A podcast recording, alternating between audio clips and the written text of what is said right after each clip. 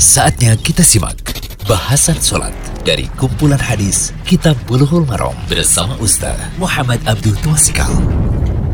Bismillahirrahmanirrahim. Assalamualaikum warahmatullahi wabarakatuh. Alhamdulillah, salatu wassalamu ala rasulillah wa ala alihi wa sahbihi wasallam. Kali ini kita berada di audio ke 139 dari pembahasan kitab Bulughul Maram karya Imam Ibnu Hajar al-Asqalani rahimahullah. Kitab salat bab sujud sahwi wa ghairuhu min sujud tilawati wa syukri. Bab sujud sahwi dan sujud lainnya seperti sujud tilawah dan sujud syukur. Nah, kali ini kita lihat di audio ke 139 ini tentang sujud sahwi di mana Nabi Shallallahu alaihi wasallam seharusnya sholat 4 rakaat tetapi beliau dalam keadaan lupa melakukannya hanya 2 rakaat. Hadisnya yang kita kenal dengan hadis Zul Yadain. Hadisnya nomor 331 dari kitab Bulughul Maram atau nomor 2 dari pembahasan sujud sahwi. An Abi Hurairah radhiyallahu anhu qol Sallan Nabi sallallahu alaihi wasallam ihda salatayil asyi rak'ataini summa sallama. Thumma qama ila khashabatin fi muqaddamil masjidi. Fawadha'a yadahu 'alaiha wa fil qaumi Abu Bakrin wa Umaru. Fahaba ayukallimahu wa kharaja sar'anun nasi faqalu kusiratis salatu. Wa rajulun yad'un nabiyyu sallallahu alaihi wasallam dzal yadaini. Faqal ya Rasulullah ana sayta am kusirat. Faqal lam ansa wa lam tuksar. Faqal bala qad nasita. Fasalla rak'ataini summa sallam. Summa kabbara. Fasajada misla sujudihi. Au atwala summa rafa'a ra'sahu fakabbara. Summa wada'a ra'sahu fakabbara. Fasajada misla sujudihi. Au atwala summa rafa'a ra'sahu wa kabbara mutafaqun alaih wa lafdhu lil bukhari wa fi riwayatin li muslimin salat al asri wa li abi dauda faqal asadaqa dzul yadaini fa auma'u ay na'am wa hiya fi sahihain lakin bil lafzi faqalu wa fi riwayatin lahu wa lam yasjud hatta yaqanahu dzalika dari Abu Hurairah radhiyallahu anhu ia berkata bahwasanya Rasulullah shallallahu alaihi wasallam pernah sholat salah satu dari dua sholat asyi antara sholat zuhur dan asar. Di mana sholat tersebut dikerjakan hanya dua rakaat. Ya, sholat yang harusnya empat dikerjakan hanya dua rakaat. Kemudian beliau menuju tiang di bagian depan masjid dan meletakkan tangannya pada kayu. Dalam jamaah itu ada Abu Bakar, Umar, tetapi keduanya tidak berani mengatakan apa pun kepada beliau kepada Nabi Shallallahu Alaihi Wasallam. Orang-orang keluar dengan segera dan bertanya-tanya, eh apakah sholat tadi dikosor? Dalam jamaah itu ada seorang laki-laki yang dijuluki oleh Nabi Shallallahu Alaihi Wasallam dengan Zul Yadain. Ya dipanggil Zul Yadain. Ia bertanya, Wahai Rasulullah, apakah baginda lupa atau sholat tadi memang dikosor? Nabi Shallallahu Alaihi Wasallam berkata, aku tidak lupa dan sholat tidak dikosor. Orang itu berkata lagi, tidak, baginda telah lupa maka beliau sholat dua rakaat, kemudian salam. Ya artinya nambah lagi beliau sholat lagi dua rakaat, kemudian salam, lalu takbir, kemudian sujud. Nah ini sujud sahwi ini. Seperti biasa atau lebih lama. Kemudian mengangkat kepalanya, lalu takbir, kemudian meletakkan kepalanya, lalu takbir, kemudian sujud. Seperti biasa atau lebih lama. Kemudian beliau mengangkat kepalanya dan takbir. Berarti sujudnya dua kali di sini. Di sini mutafakun alaih dan lafaznya adalah dari Bukhari. Kita di sini diriwayatkan oleh Imam Bukhari nomor 1229 dan Muslim nomor 573. Dalam riwayat Muslim disebutkan itu adalah sholat asar. Jadi yang tadi antara sholat zuhur dan asar ditentukan dalam riwayat Muslim itu adalah sholat asar.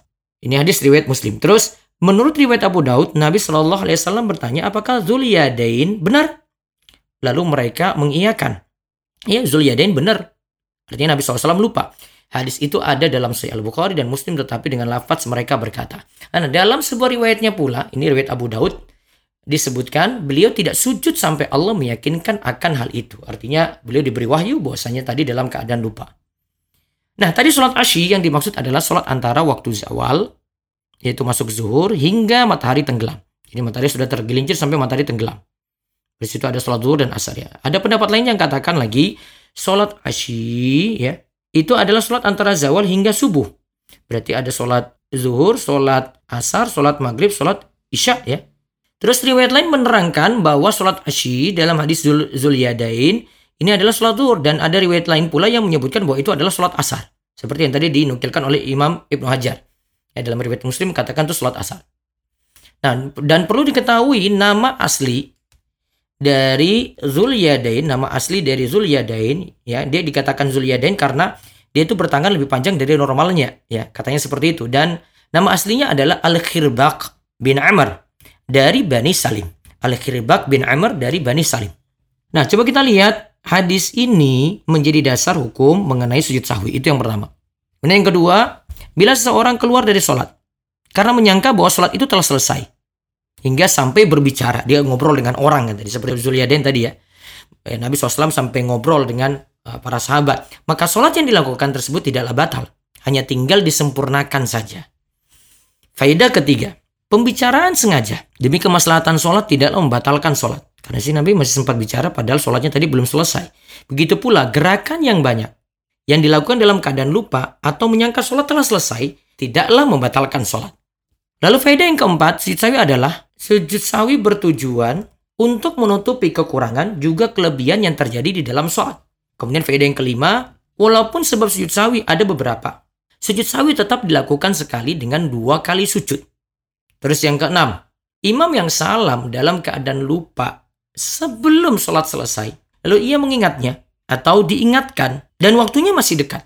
Wajib baginya menyempurnakannya segera walaupun sudah sempat berbicara, sudah sempat pindah dari tempat sholatnya, itu tidak masalah. Jadi segera sempurnakan. Tadi kan baru dua, dia tambah dua lagi. Kalau baru tiga berarti tambah satu lagi. Kalau sholatnya memang empat rakaat.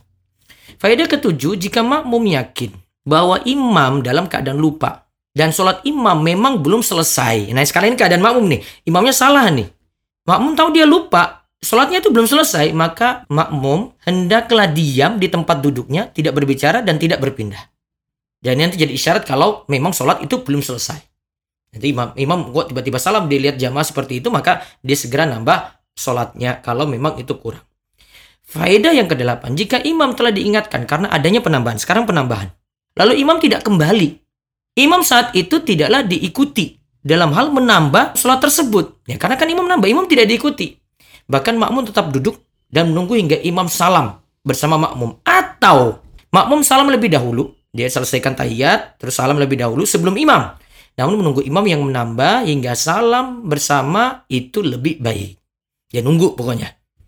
Walaupun imam nanti lebih, nanti tinggal diingatkan, nanti ada sujud sawi setelah itu. Terus yang kesembilan, imam tidaklah mengikuti perkataan satu makmum saja. Jika ia menyangka masih ada yang berbeda. Hingga ia mendapatkan penjelasan yakin dari yang lain. Seperti tadi yang Nabi SAW tanya kepada para sahabat, Zulnya ya ini benar nggak? Gitu kan? Terus faedah ke-10. Siapa yang salam dari sholat dalam keadaan lupa dan sholat belum sempurna, maka ia melakukan dua kali sujud untuk sujud sawi. Dia melakukan dua kali sujud untuk sujud sawi. Sujud sawi tersebut dilakukan setelah salam. Kalau di sini, dalam pembahasan hadis ini, sujud sawi itu dilakukan setelah salam. Jadi kalau dalam madhab syafi'i, sujud sawi semua sebelum salam ya. Tapi kalau dalam kasus ini, kita lihat sujud sawi dilakukan setelah salam. Ketika turun dan bangkit dari sujud. Dianjurkan bertakbir, turunnya bertakbir Allahu Akbar, bangkitnya itu juga bertakbir, bangkit dari sujud juga bertakbir Allahu Akbar, lalu salam setelah dua kali sujud tersebut. Nah, apakah pakai tasyahud sebelum salam untuk sujud sahwi ini? Nah, ini ada ikhtilaf kata Syekh Abdullah Fauzan. Ada ikhtilaf pendapat di antara para ulama. Lalu yang ke-11, walaupun yang lupa tadi dalam keadaan sholatnya belum sempurna, telah keluar dari masjid. Seandainya dia sampai keluar dari masjidnya. Dia kerjakan sholat zuhur dua rakaat saja, sudah keluar dari masjid. Ia tetap boleh menyempurnakan sholatnya yang kurang tadi. Wallahu a'lam bisawab. Semoga jadi ilmu yang manfaat. Demikian bahasan sholat dari kumpulan hadis Kitab Bulughul Maram bersama Ustaz Muhammad Abdul Tuasikal.